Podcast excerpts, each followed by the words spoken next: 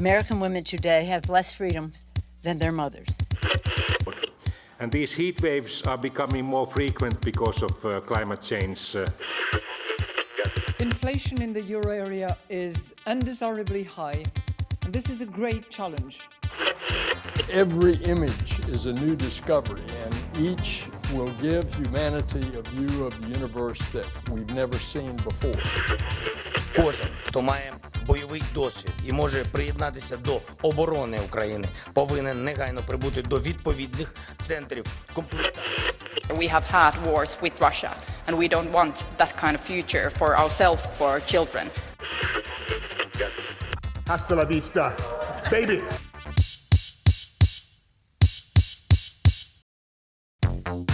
Þú ert að hlusta á heimskviður. Þáttunum það sem gerist ekki á Íslandi. Ég heiti Birta Björstóttir. Og ég heiti Sunna Valgerðardóttir. Í síðari hluta þáttarins ætlum við að rifja upp flugslis sem varð fyrir 50 árum síðan í Andes fjallgarðinum í Argentínu. Slis sem kostaði 29 manns lífið og varpaði upp afar flóknum siðferðisspurningum þegar þau sem lifðu af neittust til þess að nærast á líkamsleifum látina félaga sinna til þess að draga fram lífið. En við ætlum að byrja á þessu hér. Já, nú þegar næstum 8 mánuður eru liðnir frá því að rússar réðust inn í Úkrænu ætlum við að fjalla um þessa innrás út frá tveimur ólíkum sjónarhóttnum. Við ætlum að fara yfir það hvernig staðan er á vígvellinum og hvernig þetta gæti litið út næstu mánuði. Og svo ætlum við líka að velta fyrir okkur annari hlið á þessum átökum hvernig baráttan fer fram á samfélagsmiðlum og í fjölmiðlum. En við slum byrja í raunheimum og vígvellinum í austur og söðluta Úkrænu. Björn Málkvist, þú rættir í vikunni við Fridrik Jónsson, sérfræðingi öryggis og varnamálum. Jú, við spjöldum saman fyrir nokkrum dögum, daginn sem að varnamálar á þeirrar allarsvarsbandalagsins komu saman í Brussel til að ítrekka stöðningsinn við Úkrænu í kjálfar þess að rúsa letu eldflögum rigna yfir borgir og bæi í landinum og sagði það vera svar við sprengingunni á brúnni millir Krímskaga á Rúsland sem síðustu helgi. Ég spurði Fridrik fyrst hvort það veri komið að einhverjum kaplaskilum í þessu innrarsarstríði. Já, það fyrir náttúrulega til hvernig við skilgrunum kaplaskil en kaplaskilin kannski frá rúsana hálfu er einmitt það til að bæta upp fyrir vangetu á vývallinum á jörðuniri á austurvíkstöðum Úkrænu e, er einmitt með einhverju svona aðgerðum. Að þú tekur e, þingri vopn, e, kraftmeri vopn og beinir þeim gegn borgarlegum skotmörkum eins og þarna var út um, út um alla Úkrænu af því að herliðitt sem á að vera að verja eða sækja á vývallinum er ekki að standa sig mm -hmm. af hvaða ástæðum sem það er þannig að þetta er í raun og veru svo taktík sem við höfum séð frá rúsum líka annar staðar, það er að bæta fyrir vangetu bara með meira uh, meiri valdbeitingu og meiri álbeitingu og þetta er það sem þeir hafa Hvers vegna telur þú uh, eru rúsar ekki að standa sig á vývöldunum? Það eru, það eru fjölmarkar ástæður fyrir því, virist vera uh, einn Einn aðalástan er svo að, að hinn mynda uppbygging hersins á síðustu, síðasta áratug hefur reynst vera meiri á pappirnum heldur en í raunveruleikanum. Bara spillingin í, í, í kaupum, aðfengum og í þjálfun og, og hefur verið bara miklu meiri heldur en við nokkur til að gera nokkuð grein fyrir. Þannig að það hefur færið meiri peningur í það að byggja luxusnekkjur fyrir óligarka heldur en í, heldur en í að halda við og, og smíða skriðdreika og, og hergöfn. Þannig að það er eitt. Þannig að á pappirnu litur, litur rúsar miklu sterkar út heldur en eru þegar á hólminni komið. Það eru skortur á viðhaldi, skortur á þjálfun, skort, skortur á endur nýjun ábúnaði en líka skortur á því að endurmeta og, og, og læra í raun og veru nýja aðferðafræði í, í, í styrjöldum og, og í bardugum. Við sjáum til dæmis að eitt stór munur á rússum annars vegar og úkrænumunum hins vegar er að úkrænumenn hafi fengið þjálfun frá uh, herjum sem eru, hvort sem okkur líka betur það ver, búinir að vera að standa í alls konar stríðsátökum og síðustu 30 árum og jáfnveg lengur, breytar þá bandrækjaman sérstaklega og eru að skila svona lessons learned eða því sem þeir hafa lært bæði gott og vond til úkrænumanna og úkrænu, úkrænu hér hefur reynst bara vera, þeir hafa reynst að vera mjög góði námsmenn. Mm meðan að rúslandsmegin eru þeir augljóslega fastir í gömlum í viðjum vanans, eru ennþá með uh, að beita taktík og strategíu sem er svona gammaldags, þeir eru ennþá beita aðferðafræði bara úr setni heimsturöldinni stóri munurinn til dæmis á milli Úkrænuhers og, og, hérna, og, og Rúslandshers er það að frelsi til aðtapna hjá Úkrænu, úkrænskum herdeldum er miklu meira.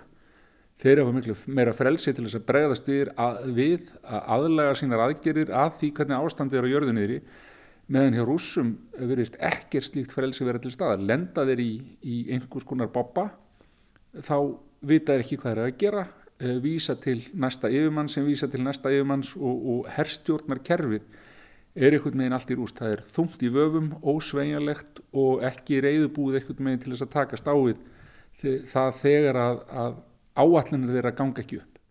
Hersveiti rúsa hafi raunverið á undanhaldi síðasta mánuðin síðan stórsókn Ukrænumanna hófst 7. september í Harkiv héræðinu í austurluta landsins. Nokkrum dögum síðar voru þau búin að endurheimta um 2500 ferkilometra svæði í Kharkiv. 10. september flúðu rúsneskir hermenn bæin Ízum þegar þar stemdi umsátur og 1. oktober endurheimtu Ukrænumenn borgina Líman sem er endar í Donetsk-kjeraðinu norður af höfuborg þess. Og, og við erum að sjá þetta gerast á, á, á flerri stöðum í raun og veru. Úkrænumenn bara aðlega sig að uh, því umhverfið sem þeir eru að vinni stunda mjög... Uh, svona skilvirt að til dæmis að, fara til hlýðar við meginherin eh, ef að Rústlandsher hefur þjappað sér til dæmis í þjettbíli innan borgar eða þorps til þess að taka mútið úkrænumennum þá fara úkrænumenn einfallega í kringum þá, loka það af. Uh, og hérna þetta er svona, og þetta er reyndur svolítið klassist ég veit ekki hvort þú mannst eftir uh, Colin Powell í, í fyrsta Írakstríðinu þegar hann var spurður um það hver væri aðferðafræðing akkvært Íraks er þá saði hann í stuttumáli þetta, já við ætlum að klippa það frá og síðan ætlum við að drepa það. First we're gonna cut them off then we're gonna kill them. Sem að virðist vera það sem ákveðinumenn hafa verið að reyna að gera í, í, á söður vikstöðunum í Hersson uh, þar sem að þeir hafa verið að reyna einangra herli rúsa í og við borgina Hersson uh, þar sem að mjög hardi bardar hafa staðið undarfarnu. Já, einmitt og þú sér það líka að það sem að úkrænumenn hafa verið mjög markvist að gera það er að klippa á aðfangaleiði rúsa. Þeir eru að ráðast á, á, hérna, á, á sapsvæði aðfanga, þú veist það sem eru vistageimslur og skotarageimslur, uh, lestarteina uh, og árásina á kersbrúna, ég raun og veru gott dæmi um þetta líka, það er þetta að klippa á aðfangaleið. Þannig að þú gerir þetta fyrst svo nærðu kannski að umkringja og loka af og þá er ekkit annað fyrir, fyrir herin sem sittur fyrir innan, jú þeir geta barist í síðasta blóðdrópa eða gefist upp eða reynda að forða sér. Mm. og rúsninskir hermin er nú ekki alvittlusir þannig að þeir eru nú margi hverjir einmitt að velja þann kosta annarkort gefast upp eða forða sér Friðrik telur óleiklegt að Ukrænumenn haldi það sér höndum næstu vikur og mánuði þótt nú sé farið að hausta og veturinn sé á næsta leiti. Þeir hafi skriðþungan með sér og séu vel útbúnir fyrir veturinn og atbyrðir síðustu daga á vikna hafa líka leitti þess að vestran ríki hafa bætt í sendingar á vopnum og öðrum búnaði þar að meðal kuldafatnaði fyrir hermenn. Þungavopna borð við HIMARS eldflögakerfin frá bandaríkjunum, HIMARS stendur fyrir High Mobility Artillery Rocket System, hafa gert Ukrænumönnum kleift að skjóta að byrðastöðum, vopnabúrum og stjórnstöðum rúsa langt fyrir aftan výlinuna og raska þannig flutningum og aðfengum anstæðingsins og núna síðustu daga hafaði til að mynda fengið glænýtt loftvarnakerfi frá Þískalandi sem er endar svo nýtt að Þíski herin hefur enn ekki tekið það í notkun. Þetta hefur verið að gera mjög gott fyrir úkrænumenn og það sem hefur reynda líka komið vel óvart er það hversu döglegir og, og góðir þeir hafa verið í því að, að, að læra að nota þetta og beita jáfnveil á óhafðbundin hátt, ekki alveg eftir bókinni. Og þannig að þetta er að skipta verulegum sköpum og þetta er það sem er að skipta miklum sköpum í, í, í framhaldinu. Mm. Að þeir verða að fá, úkrænumenn hafa í raun og veru verið að klára sín gömlu sávísku op, nema reyndar sem er kalt henni í þessu að, að kannski helsti helstu vopnavistir sem úgrænumenn hafa verið að fá undafarið eru, eru yfirgefum búnaður frá, frá hrúsneskum herdildum en, en hérna e, þetta, þetta, er, þetta er það sem virkilega er að skipta máli. E, þannig að þetta þarf að halda áfram. E, og eins og við sáum af fundunum í, í þessari viku tengt vartamálaráður að fundi allarsasbandalagsins að þar var mikil einhugur með stunningsríkjum að halda þessu áfram vinna því að auka þá vopnaframlöslu á þeim vopnum og búnaði sem ákræðinu menn eh, er að nota og hefur verið að reynast þeim hvað best. Mm -hmm. Og það verðist eins og vestræn ríki séu orðin enn einbeittari í stuðningi sínum við Ukrænu.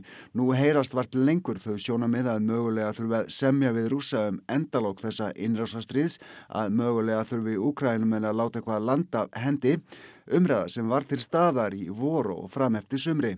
Hún hefur fjarað út og það er tvær ástæði fyrir því uh, að mínum mati. Annars er það náttúrulega velgengni Ukrænumanna í því að standa upp í hárun á innráshernum og hins vegar það að fyrir fleirum og fleirum hefur það orðið augljóst að það að semja við uh, Pútin og hans nota það gengur ekki upp. Það gengur ekki upp uh, málefnilega það gengur ekki upp siðferðilega það gengur ekki upp herfræðilega það gengur ekki upp allsvíðapolítíst um hvað það ætlar að semja? Að gefa eftir varðandi grundvallar gildi já, flest alls þess sem við hérna trúum á og segjum, segjum standa fyrir. Það bara gengur ekki upp. Ætlum við að gefa eftir ekki bara fullveld úkrænu ætlum við að gefa eftir og sætt okkur við það að það, það megi taka yfir eh, hérna, frjálst fullvalda land í Evrópu með þessum hætti e, að það megi koma fram með þeim hætti eins og það var gert með, með, hérna, með dráp, pyntingar, uh, eh, nöðganir, uh, þvingaða fluttninga og fólki og svo framvegs byrju um hverja semja hér. Mm -hmm.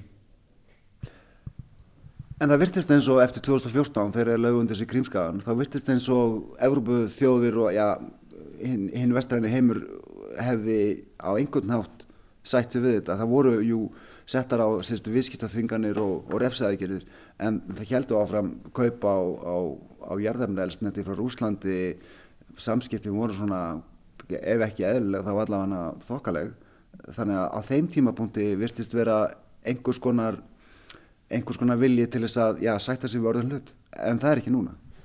Nei, en það hefur Uh, þarna var farið yfir, í raun og veru farið yfir, yfir stríki með það afgerandi og augljósum hætti, það var ekki lengur hægt að fela sig á bakvið það að, var, að þarna væri eitthvað óljóst að, jú, að í krímskaga væri nú fullt af rúsum eða, eða, eða þú veist, veist sjálf sér réttlætingin á því að horfa í, í, í gegnum fingur sér með það sem að rúsar gerðu þá, uh, það er bara erfiðar að, að halda henni við í dag, mm. aðrir hagsmunir Það er náttúrulega þannig í allþjóða samskiptum að hagsmunir tromba yfirleitt allt annað. Og hverjir eru hagsmunir þannig að svona efnislegir hagsmunir og efnahagslegir hagsmunir voru kannski að tromba herra heldur en virðing fyrir marréttundum fullveldi og svo framvegis þannig að, þannig að núna hefur bara balansin og ja, hérna, færst aftur til þessa jújú, þú getur verið með efnahagslega hagsmunni en hitt bara skiptir þið einfallega máli hverjir eru efnahagslegir hagsmunni þín það alltaf að láta Eh, einræðisherra og, og allræðistjórnvölda þessu tægi í, í raun og veru bara stjórna, eh, stjórna umheiminum. Mm. Það er óasatanlegt. Þannig að ég held að Evrópa sérstaklega hafi svona svolítið verið að endur uppvita hvað raunverulega skiptir hana máli, líðræði skiptir máli, ferðelsi skiptir máli, fullveldismál skipta máli e, og þá verða stundum efnaðas hagsmunirnir að víkja fyrir þeim. Rússar hafa einnig látið í það skína að notkun lítilla kjarnorkuvopna á vývöldlum í Ukrænu geti verið möguleg. Flestir sérfræðingar sem fjalla um þessi mál segja það mjög ólíklegt þótt hótanir af þessu tægi verði auðvitað að taka alvarlega. Það verður líka að teljast mjög óleiklegt að vestræn ríki myndu beita slíkum vopnum til varnar Úkrænu. Emmanuel Macron, fórseti Fraklands, sagði reyndar reynd út í vikunni að frakkar myndu ekki gera það. En það þykir að nokkuljóst að aðkoma vestarnaríkja að átökunum í Úkrænu myndi færast upp á annað stig, jafnvel með beitni þáttöku, fari svo að rússar noti vopna þessu tægi. Þetta var um hernaðaráttökin sjálf en Björn, þú rætti líka við sérfræðingi því sem kallast upplýsinga óreiða. Hver er svona skilgrinningin á upplýsingaóreiðu og hvað hefur hún meina svona í Ukræn að gera? Sko upplýsingaóreiða er hugdag sem er notaði við það þegar raungum eða misvísandi upplýsingum er deilt, annarkort vísvitandi eða ekki og líka þegar alls konar upplýsingum er pumpaðið gegnum hefðbundna fjölmiðla og samfélagsmiðla til að grauta umræðina. Og við höfum náttúrulega séð þetta í tengslu við kostningar á undarföldum árum, ekki sett? Jú, gott aðeins er fórsættikostningarnir í bandaríkunum árið 2016. Þetta sást í kostningunum á Ítalíu í haust líka og þetta er í fullum gangi núna hvað var þar innrásina í Ukrænu. Þetta er barátunum það hvernig þessi átökuru römmuð inn, ef svo má segja, og hvaða frásagnir verða ofan á. Við rettum þessa hliðástríðinu við Elfu Ír Gilvádóttur, framkvæmdastjóra fjölmiðlanemdar. Hún hefur rannsakað upplýsinga óreiðu og fylst grant með þessum málum síðan í vor. Hún segir eins og reyndar margir aðri sérfræðingar hafa sagt að sigur í upplýsingastriðinu sé eins mikilvægur og að sigra á vývætlinum. Það skiptir máli að fá almenning í lið með sér. Mm. Og þegar við erum að skoða Úgrænu þá skiptir náttúrulega öllu máli að að, að e, vesturlönd séu í liði með þeim upp á það að þeir fái náttúrulega peninga og, og hérna hernaðartæki og vopn og allt það. Og síðan náttúrulega rússamegin að þá skiptir það líka máli einhvern veginn að þjappa e, þjóðinni saman á móti einhverjum, einhvers, einhvers konar óvinni og búa til svona einhverja frásögn eða og narrativ eins og þetta er kallað. Og það er náttúrulega gert bara á ymsanhátt með því að, að e, segja frá því sem er að gerast á, með þeim hætti að, að það passi inn í kannski svona rúsneska þjóðarsál. E, passa það að sömur upplýsingar sem að kannski e, henda ekki, komist ekki til skila. Það er náttúrulega mjög miklar gaslýsingar í gangi um það að, að tala um að að kannski óvinnurinn hafi gert eitthvað sem að, sem að þeir gerðu sjálfur og svo framvegs og svo náttúrulega bara þekkjum við þetta svona Rúslands megin hvernig er bara sko uh, á undanförnum árum og sérstaklega eftir að, að stríðið hófst hefur búið að hérna að loka fyrir náttúrulega bara fjölmila uh, og það er bara ofsalega lítið svona sveianleiki til þess að ræða um það sem að raunverulega er að gerast. En það eru, þú talar um narratíf eða frásagnir, það eru svona á, ákveðin megin þemu sem að, mað, sem að maður greinir það ekki í umræðinu til dæmis í, í rúsneskum fjölmiðlum, hvað varðar, hvað varðar stríðið, hvað varðar þessa innrás, hvað varðar að réttlæta þessa innrás í, í, í Ukræna, ekki satt? Jú, ég menna það sem er kannski þekkjum eh, svona best, sem hefur náttúrulega mikið verið hér til umfjöllunar, það er það að þetta sé ekki innrás, heldur þetta er sérstök hernaðar áallun Eh, og sem að náttúrulega rýmar alls ekki við það að það er bara verið að kalla eftir núna bara vopnavæðingu eh, þannig að og eitt af því sem að er kannski líka svona leikil atriðið í eh, upplýsingu óriðu er það að það eru svo margar svona frásagnir eða narrativ sem að bara passa ekkit saman mm -hmm. þannig að það eru raun og verið svona algjör óriða um það hvað er að gerast og það er svona bara látið svona ofboslega margar frásögnir svona sem er í gangi og það er bara verið að kanna það hvað er það sem að svona passar og það hvað passar eh, eða, eða hvað er það sem að fólk er móttækilegt fyrir sem eru til dæmis samsæriskenningar sem þróast og breytast eftir því hvernig þeim er tekið. Það er nýjistu, segir Elva, fjalla annars verum að bandarækjumenn eða NATO hafi staðið á bakvið skemtaverkina á Nord Stream gasleislunni í Estrasalti og hins vegar að nú sé búið að leka skýslu frá bandarískri hugveitu um að bandarækjumenn hafa einhvern hátt engt rúsa til að ráðast inn í Ukrænum til að koma efnahæslu höggi á þjóður í Evrópu. President Rússískei federácii Владимир Владимирович Путин.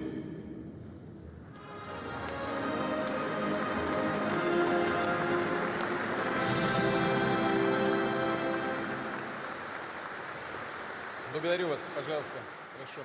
Við uppaf innrásar rúsa í Úkrænu í vor rættu ráðamenn í Kreml þar á meðal Vladimir Putin fósittir Úslands gjarnan um nöðsinn þess að fjarlæga mynda nazista í Úkrænu og koma spiltum stjórnvöldum í Kiev í burtu. En í lóks september þegar Putin hjælt ræðu sína um innleimun fjögur að hýraða Úkrænu í Úsland var viðkvæðið allt annað. Þá snýrist þessi barátt af um átök menningarheima. Það væri sótt að Úslandi úr vestri. Já, ég held að þetta sé ymmit alveg hárétt staða og, og svona samsæriskenningarnar sína þetta svolítið að, að það er verið kannski að, að, að það er svona e, ákveði frjálslindi á Vesturlöndum sem að e, rússar kannski þeim hugnast ekki þar sem að þeir vilja meira, meira svona fjölskyldu gildin og, og, hérna, og svona hefbundnari gildi mm -hmm. e, svona meiri íhaldsemi þannig að, þannig að þetta svona fer svolítið að snúast um sko hvers konar e, svona framtíðar sín sjáum við og við sjáum það líka að alveg frá upphafi þá hefur verið svolítið svona þessi frásögn eða narrativ eh, sem er að koma frá Rúslandi um, að, það, það, að, að e, sko, þetta snýst ekki um það um Úkrænu heldur þetta snýst um raun og veru sko, stríð mellir NATO og Rúslands mm -hmm. og, og þess vegna er náttúrulega svo mikið af þessu svona áráðusstríði uh, e, e, og bara í raun og veru áráðri sem er að, að, hérna, að fara yfir Evrópu lönd og hérna kannski svona tengt þessu að þá sáum við það, það var nú svo sem bara lítil frétti í, í fjölmjölum núna í vikunum um það að meta móðufélag eh, Facebook og Instagram um, að það, það, það fyrirtæki er núna skilgrend sem hriðverkasamtök í Rúslandi og þetta kannski svona segir manni líka svolítið um það að þarna er náttúrulega samfélagsmiðil sem að í raun og veru leifir fólki að pósta því sem að það er að hugsa um og svo framvegis sem að kannski kemur sér illa þegar að e, ríki, allræðisríki er að reyna að stýra umræðinni en það sem að kannski ekki fylgdi þessari frétt er það að þetta kannski ási líka ákveðin aðdraganda. Vegna þess að í lók september þá voru fluttar fréttir af því í löndunum í kringum okkur að það hafi tekist að, að e, uppræta og í raun og veru finna eitt svona umfangsmesta og floknasta svona áráðusnet rúsneskra stjórnvalda sem að í raun og veru voru starfandi að meta. En svo voru þeir náttúrulega að nota WhatsApp og, og Twitter og svo framveist þess að koma þessu öllu í, í hérna svona í hérna, umferð. En þetta var í raun og veru þarna voru þau búin að búa til yfir 60 gerfi síður af fjölmjölum sem við þekkjum eins og The Guardian eða Bild der Spiegel í Þýskalandi e, það sem að var verið að reyna að, að setja upp svona gerfi síður þekktra fjölmjöla sem að var ætlað að, að, að hérna, ná til þessari stóru ríkja í Evrópu mm -hmm. eh, og, og það voru sagt, mörg þúsund svona not, falski notendareikningar sem voru búin til til þess að í raun og veru svona eh, taka þessar fréttir á þessum gerfisíðum og reyna að hafa áhrif inn í, inn í já, Frakland, Ítalju, Þískaland, Breitland og svo framvegs. Til að dreifa þeim sem sagt? Já og þetta voru þá síður sem hafði ekkert að gera með fréttir þessara miðla sjálfsögðu heldur þarna voru bara áróðusfréttir með þessum svona frásögnum eða narratífum sem að rúsar er að reyna að koma á núna sem að eru þá fyrst og fremst þetta með, með orkuna og, og hérna og svo framvegist þetta svona sem að, sem að virkilega núna kannski nýstir fyrir evróska borgara. Á fymtudaginn var voru 50 ár liðin frá flugslisi í Anders fjallgarðinum í Argentínu. Í vélinni var rúbbílið á leið í keppnisferð á samt fjölskyldu sínum og vinum. Af þeim 45 sem voru um borði í vélinni lifðu 16 af þegar þeim var bjargað 72 dögum eftir slisið. Hópurinn hafði löngu verið talin af og það eina sem þau gáttu gert til þess að halda sér á lífi á ísköldu fjallinu var að leggja sér til munns líkamsleifar félaga sinna sem létust í slisinu. Birta rifjar nú upp þessa merkilegu sögu.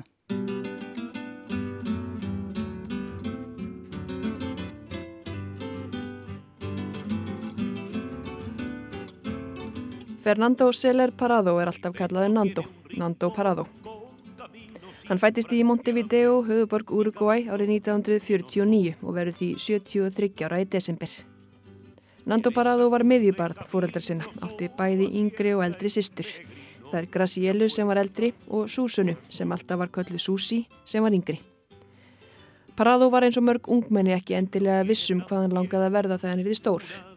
Hann skráði sér í bændaskóla eins og bestu vinniðir. Fadur hans gerði reyndar góðratlegar aðtugasemtir við námsvalið. Fjölskyldur vinaðans varu sannarlega öll bændur en Parado fjölskyldan rak byggingavöru vestlun. Og fljótlega rann upp fyrir Nando Parado að framtíðans lagi líklega ekki í búskap. Hann skipti um skóla og fór að læra viðskiptafræði. En Parado var alls ekki bara með hugan við nám og framtíðar áform. Hún fannst gaman að fara á rúndin með vinnum sínum, fara í parti og eldast við stelpur. Og svo fannst hún mjög gaman að spila rúbi.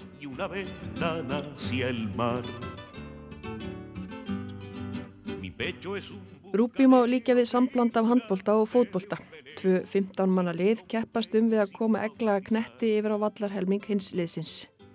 Íþróttin heitir eftir samnendum skóla í Englandi þar sem leikurinn var til um meðja 19. öld. Rúbi dreifðist svo út um heimsbyðina, fyrst til breskra nýlenda á borði Ástrali og Suður Afríku en einnig til fleiri landa, til dæmis Uruguay. Og Nando Parado og vinir hans elskuðu Rúbi og leku með Old Christians klubnum í Montevideo. Haustið 1972 var ákveðið að fara í keppnisferðalag. Móterinn var Englis Old Boys klúpurinn í Santiago í Tíli. Uruguay liggur við sunnanvert Allandsafa á austuströnd Suður Ameríkuskaga. Tíli er á vestuströndinni við sunnanvert Kirrahaf. Á milli landana tveggja er Argentina og Andes fjallgarðurinn. Old Christians lið Nandos Parados og félaga hans þurfti að komast á áfangastað og úrvarða liði legði flugvél. litla 40 sæta fertjaldvél.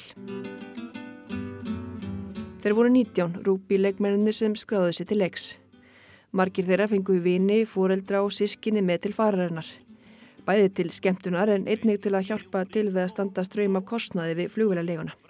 Meðal þeirra sem buðu fjölskyldinni með var títnemdur Nando Parado. Móður hans og yngri sýstrin Susi pökkuðu í töskur til að koma með yfir til Tíli. Samtals urðu farþegarnir 40 talsins með 19 rúpileikmönnum og 21 fylgifarþega. Áhörnin taldi svo 5 manns. Þau lögðu af stað þann 12. oktober frá flugvillinu í Montevideo. Veðusbán var ekkert sérstaklega hagstæð og flugmenninir tveir ákvaða að lenda í Argentínu og býða af sér stormi við nóttina. Það voru engir aukvissar við stjórnvölinn í flugstjórnaklefanum. Flugstjórin hétt Julio César Ferradas og hafði bæði reynslu úr flughernum en var einnig með fleiri en 5.000 flugtíma í farteskinu. Aðstofaflugmaðurinn hétt Dante Hector Laguara. Þeir lendu vélinni í Mendoza. Gefum Nando Parado orðið. And the next day on uh, Friday 13th we took off from Mendoza to fly to Santiago but uh, we never made it. Sem sagt, förstu daginn 13. lögðu af stað frá Mendoza í Argentínu til Santiago í Tíli. En þau komust aldrei á áfangastað.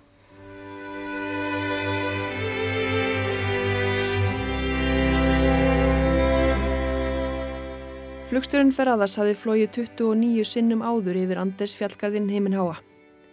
Um klukkustund eftir flugtak hafði flugstjórin samband við flugumferðarstjórn og saðist nálgast Kuríkó og baðum leifi til að byrja að lækka flugið.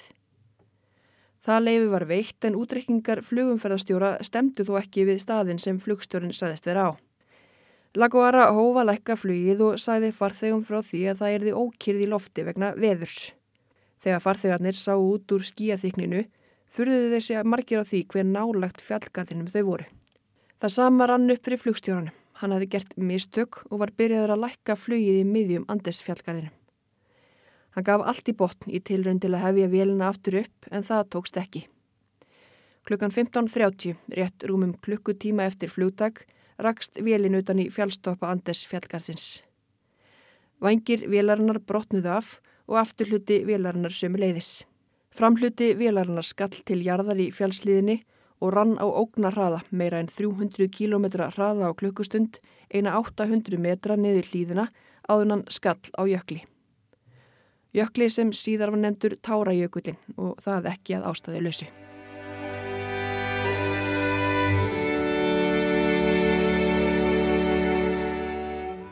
Tólf af þeim 45 sem í vélinni voru létust samstundist þegar vélinn brotlendi. Þeirra á meðal var flugsturinn Ferradas. Það sem eftir var af skrokki flugvilarinnar satt nú fast í um 3500 metra hæð í Andes fjallgarðinum í Argentínu. Eðlimálsins samkvæmt hófst eftir grenslan og svo viðtæk leit þegar fertjaldvelin skilaði sér ekki á áfangastað. Leitarflokkar voru ræstir út frá síle og leitarflugvilar flugu yfir þar sem líklegast þótti að flugvilin hefði rapað. Talsett hafi fendt yfir restarnar af flugvilaflækinu svo leitarflokkarnir komu ekki auga á brakið. Setna kom þó í ljós að leitarflokkarnir flugu marg oft yfir brakið þar sem 33 eftir lifendur flugslýsins höfðust enn við. Það fækkaði reyndar í hópi eftir lifenda. Fimm til viðbútar létust af sárum sínum á fyrsta sólarhingum eftir brotlendinguna. Þeirra á meðal flugmaðurinn. Hann særiðist reyndar illa í brotlendingunni og grátt bað farþegana um að finna bissuna sína og skjóta sig til að lina þjáningarnar. Því neituðu viðstattir en flugmaðurinn lést skömmu síðar. Þau voru 27 sem enn höfðust við í brakinu í fimbul kulda á fjallinu. Sætis áklæði og restara farangri var það eina sem þau höfðu til að reyna að halda á sér hitta og þau reyndu að koma sér upp skjóli með ferðartöskum og farþegarsætum inni í brakinu. Á meðan var leitað úr lofti. Eftirlifendunir urði varir við leitarflugið og reyndu allt til að vekja sér aðtikli en án árangurs. Þau rauðuðu ferðartöskum í stóran krossi þegar ég vonaði að sæjist úr lofti og skrifuðu SOS með varlitt á þakk flugvelabraksins. En allt kom fyrir ekki. Eftir átta daga áranguslösa leit var ákveðið að hætta Öll sem um borði í vélinni voru, voru talin af. Það að leit væri hægt var sannarlega harma fregn fyrir vini og ættingja þeirra sem voru um borði í vélinni. En það kom ekki síður illa við þau sem sannarlega voru enn á lífi eftir flugslýsið. Upp úr einhverja ferðartöskunum sem áttu að fara á Rúbi móti í Tíle kom ferðaútvarp. Í gegnum það fyldist hópurinn í brakinu með fréttum af slísinu og leitinu af þeim sjálfum. Og í gegnum þetta sama útvarp fréttuðu svo líka af því að leitinu af þeim hefði verið hægt og þau var öll talin af. Söguhetjun okkar Nando Parado var eitt þeirra sem slasaðist við brotlendinguna. Hann rótaðist og félagar hans voru ekki bjart sínir á að hann myndi vakna aftur til lífsins. Það mun hafa verið honum til haps að félagar hans lögðu hann á samt öðrum sluðsum og látnum við opin enda fljóvilabraksins með nakkan í snjónum. Kuldin hjálpaði bólgunum í höfðinu að sjatna og eftir þrjá daga vaknaði Parado til meðvitundar. Vinnir hans stóðu yfir honum og sögðu honum hvað hefði gerst. Skulum gefa honum sjálfum orðið. My next memory after the crash is starting to wake up, slowly coming back from that coma, and I realized that there were faces close to me, and there were my friends. Nando, we crashed. Nando, can you hear me? We crashed. We crashed. Parado spurði strax um móðu sína og sýstur og vinnur hans sögðunum beint út að móður hans hefði ekki lifað brotlendinguna af og að yngri sýstur hans Susi væri illa slösuð. Parado vakti yfir sýstu sinni og reynda að lína þjáningarinnar þar til hún lést þarna á fjallinu nokkrum klukkutímum síðar. So I asked about my, my family, and, and they were very blunt to me.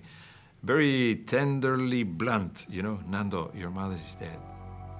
Panchito is dead. You know, and uh, I said, where is Susie? And she said, she's badly, badly injured and she's lying on the floor. I stayed with her. I stayed with her for, for a few hours until uh, she died. Nú finnst eflaust flestum að þau sem ennir og lífi þegar hér er komið sögu hafi mátt þóla nóg. En lengi má mannin reyna, segir í bísna harneskjulegu orðatiltæki sem á mjög vel við þegar við förum yfir hvað gerðist á fjallinu 16 dögum eftir að vélinn rapaði, nána tiltæki þann 29. oktober. Þá fjall snjóflóð á brak flugvilarinnar þar sem hópurinn hafðist við. Átta þeirra létust í snjóflóðinu, þeirra á meðal Marcelo Pérez, fyrirliði rúbiliðsins þeirra og sá sem hefði tekið að sér hlutverk leiðangustjóra í hinnum nýju aðstæðum á fjallinu. Þá voru 19 eftir á fjallinu. Vitandi að leit að þeim væri hætt í fimpul kulda og með líkamsleifa rúpi félaga sinna, vina og ættingja grafna í snjóskapli í kringum flugvelabrakk. Og ekki með matarbita.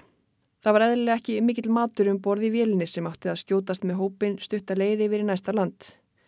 Um átta súkulæðstykki, dós með kræklingi, þrjár sultukrukkur, smá nammi, döðlur og netur og vín var það eina ætilega sem hægt var að skrapa saman úr farangri farþega eftir að vélinn rapaði. Hrjóstrugar og ísilaðar fjálsliðarnar komu svo ekki að neinu gagni í ætisöflun. Þau reyndu allt til að mynda að geta bómullarefni og leður af áklæðum flugvelasætana en urðu veikaði. Til að draga fram lífið við ömurlegar aðstæður virtist aðeins eitt í stöðunni. Að nærast á frostnum líkamsleifum þeirra sem letust í flugsleysinu. Roberto Canessa sem við heyrðum í áðan var einn eftirlifenda á fjallinu. Hann var þá 19 ára læknanemi og skrifaði síðar æfiminningar sínar. Um þessa umdeldu ákverðun hópsins að leggja sér látna félaga sína til munns skrifaði Canessa síðar. Við urðum að gera þetta. Kjötið innihjælt prótín og fytu sem var það sem við þurftum til að halda lífi. Ég hafði tekið þátt í aðgerðum og orðið vittnið að slíku svo það var auðveldara fyrir mig en hina að byrja að skera. Your mouth doesn't want to open because you don't want to swallow a piece of a dead person. And then I thought of my mother that she told me if one of my sons dies, I, I couldn't make it in life. I would die myself. So I said if for not giving up I have to eat this piece, I just swallow it and nothing happened. Canessa segir að fyrst hafi munnurinn einfallega ekki vilja opnast. Það langi engan að leggja sér til munns kjöta af látinni mannesku. En þá hafa hann hugsað til móður sinnar sem sagði eitt sinn að ef einhver svona hennar myndi deyja, vildi hún ekki lifa lengur sjálf. Hann glefti því kjötbyttan og ekkert gerðist. Eðli málsins sangkvæmt var ákverðunin ekki auðveld. Félagarnir lögðust á bæn og leituðu til almættisins eftir svörum um afleðingar þess að gera eitthvað svona óhugsandi. Kanessa sagði áður nefndum endurminningum að sameiginlegt markmið hópsins hafi verið að lifa af og til þess hafi ekki verið aðrar leiðir færar. Öll sem eftirleiðu voru katholikar. Í þeirra huga var ákverðunin ekki bara siðferðisleg heldur einnig trúarleg. Á meðan sum óttuðist bannfæringu reyndu önnur að réttlæta ákvörðununa með því að líka henni við kvöldmáltíðasakramentið. Líka með Krists lífsins brauð og allt það. Það getur líklega enginn sett sér í spór hópsins sem krók, loppin og aðframkomin að hungri tekur ákvörðum að leggja sér til munns, frosnar líkamsleifar látin að vina og ættingja til að lifa af. Kanessa reyð á vaðið og notaði til skurðarins glerbrót úr fljóvilabrækinu. Það tók hópin mislangan tíma að feta í fótspór Kanessa en þau sem lifðu af fóruð að fordæmi hans. Nando Parado var þeirra á meðal. Sem fyrr segir voru móðir hans og sýstir á meðalina látnu en hann helt vendarhendi yfir líkamsleifum þeirra allt til enda. Vöðvar og fita var það fyrsta sem hópurinn kom niður en eftir því sem tímin leið á fjallinu var það nýtað sér fleira á borðið hjörtu, lungu og heila.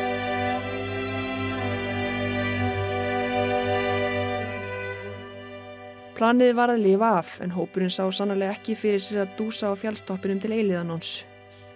Vitandi að engin leitarflokkar væri væntanleir var aðeins eitt í stöðunni. Að komast til byggða og láta vita af sér. Og það var reynd.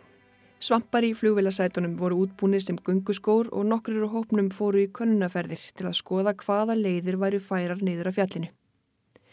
Meðan við útrekninga flugstjórans heitins átti velin að vera skamt frá landamælum Tíli. Raunin var hins vega svo að það voru einir 89 kílometrar þangað. Háfjallaveiki, ofþornun, snjóblinda, hungur og svíðandi kuldiða nóttu til voru ljóninni veginum fyrir ferðalæð. Þeir voru fjórir sem völdust til björgunarleðangursins, Nando Parado, læknanemin Roberto Canessa og voru þeirra á meðal. Á fyrsta degi göngunar fundu þeir ferðartösku úr flugslísinu sem innhjælt súkulaði, rómflösku og síkarettur og svo annan bút af flugvilabrækjunu sem þeir nýttu sem skjóli við nóttina. Þeir komust nefnilega fljóta því að fimpul kuldi á nóttunni eru þeim að aldur til á leið til byggða. Laust hinn að úrraða góðu ferðalanga var að útbúa svepppoka úr vassheldu efni úr loftræsti kerfi flugveilurinnar bundið saman með koparvír. Þegar þarna var komið sögu voru þeir aðeins þrýr eftir í björgunleðangurinu. Paradó var klættur í þrennar gallabugsur og fjögur pur af sokkum með plastpoka yfir og leiðin lág heilan kílometri yfir jökul. Ferðalangarnir voru enn að vinna eftir rungum útreikningum flugstjóransum staðsetningu og því var mun lengra til byggða en þeir heldu. Það kom í ljós þegar þeir náðu upp á jökultoppin. Þá blasti ekki annað við en áframhald á snæfi þögtum fjallgarðinum eins og Paradó lísti sjálfur í viðtalið lungu síðar. When I reached the summit of the mountain and I thought I was going to look into a green valley with roads and then I realized I was in the middle of the Andes range I couldn't see anything but peaks and peaks and peaks surrounded by mountains, 360 degrees around. Og þarna voru þeir bara orðin tveir eftir, lækkanemin Roberto Canessa og Nando Parado. Á nýjunda degi og leiðinniði fjallgarðinu voru þeir loks komni niður fyrir snjólínu og hittu fyrir nokkrar kýr. Örmagna við árbakka komiður auga á þrjá menn á hestbakki. Eftir tilraunir til orðaskipta yfir ströymþungt fljótið náðu Canessa og Parado að koma skilabúðum yfir að þeir hefðu lifað af flugslis og væru örmagna. Yfir ána komust þeir ekki svo knabarnir riðu til byggða, þó býstna vantrúað þeir á að það gæti verið að menninni tveir við árbakkan hefðu lifað af flugslisið hörmulega sem þeir hefðu sannlega hýrt af fyrir um tveimur mánuðin. Þeir Parado og Canessa komust undir læknisendur. Canessa hafði mist um helming líkamstingtar sinnar og vó tæplega 50 kíló. Nando Parado buðst til að fara með björgunathýrlunum og vísaði þeim á staðin þar sem félagar hans höfðust enn við á fjallinu. Þann 22. og 23. desember 1972 var flóið með þau 16 sem lifðu af flugslýsið meira en tveimur mánuðum áður. Sem fyrir segir voru þau 12 sem létust samstundis og flugvelin brotlendi en urðu alls 29 sem skiliðu sér ekki tilbaka.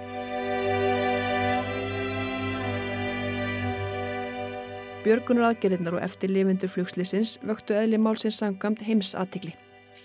Strax þarna 23. desember þegar verið var að ferja síðasta fólki að fjallinu voru byrta fréttir um allan heim fyrir utan Uruguay um mannátt eftir lifenda fljóslisins. Tvö dagblöði Tíle byrtu mynda fótlegg sem búið var að skýra kjötið af, mynd sem einhver í björgunuleginu tók á fjallinu. Fjölmila fár geisaði yfir upplýsingunum um hvernig hópurinn eða haldi sér á lífi og fjölskyldur þeirra sem létust á fjallinu voru margar í umtalsverðu uppnámi yfir upplýsingunum. Þann 28. desember var ákveða búa til fréttamannafundar. Þar fór Alfredo Delgado fyrir hópi eftirlifenda og greindi frá þessum 72 dögum sem liði frá því að flugulinn rapaði og þangar til að hluta hópsins var bjargað á lífi. Þar greip hann aftur til samlíkingarinnar sem hópurinn notaði á fjallinu. Að líka mætti ákverðuninni sem bjargaði lífið þeirra við kvöldmáltíðasakramentið. Hópurinn skriftaði allur hjá katholskum presti sem sæði bannfæringu ekki þurfa. Þeim hafi verið nauður eitt kosturinn til að halda lífi. Ákveðið var að grafa þau sem létust á fjallinu.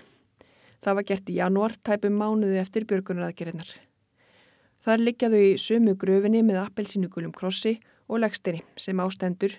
Heimurinn hugsa til bræðra sinna frá Uruguay, hærra minn Guð til þín.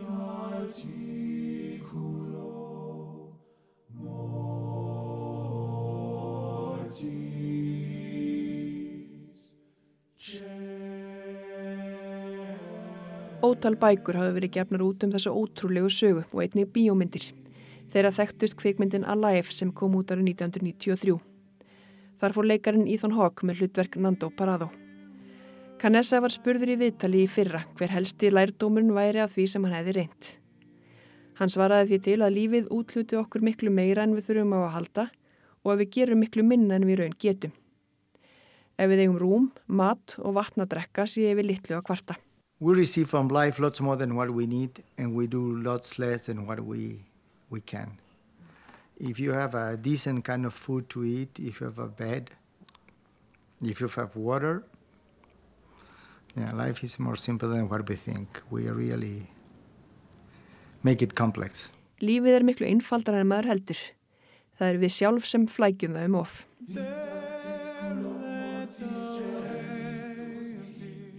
Þetta verða að loka orðin í heimskviðum þessa vikuna.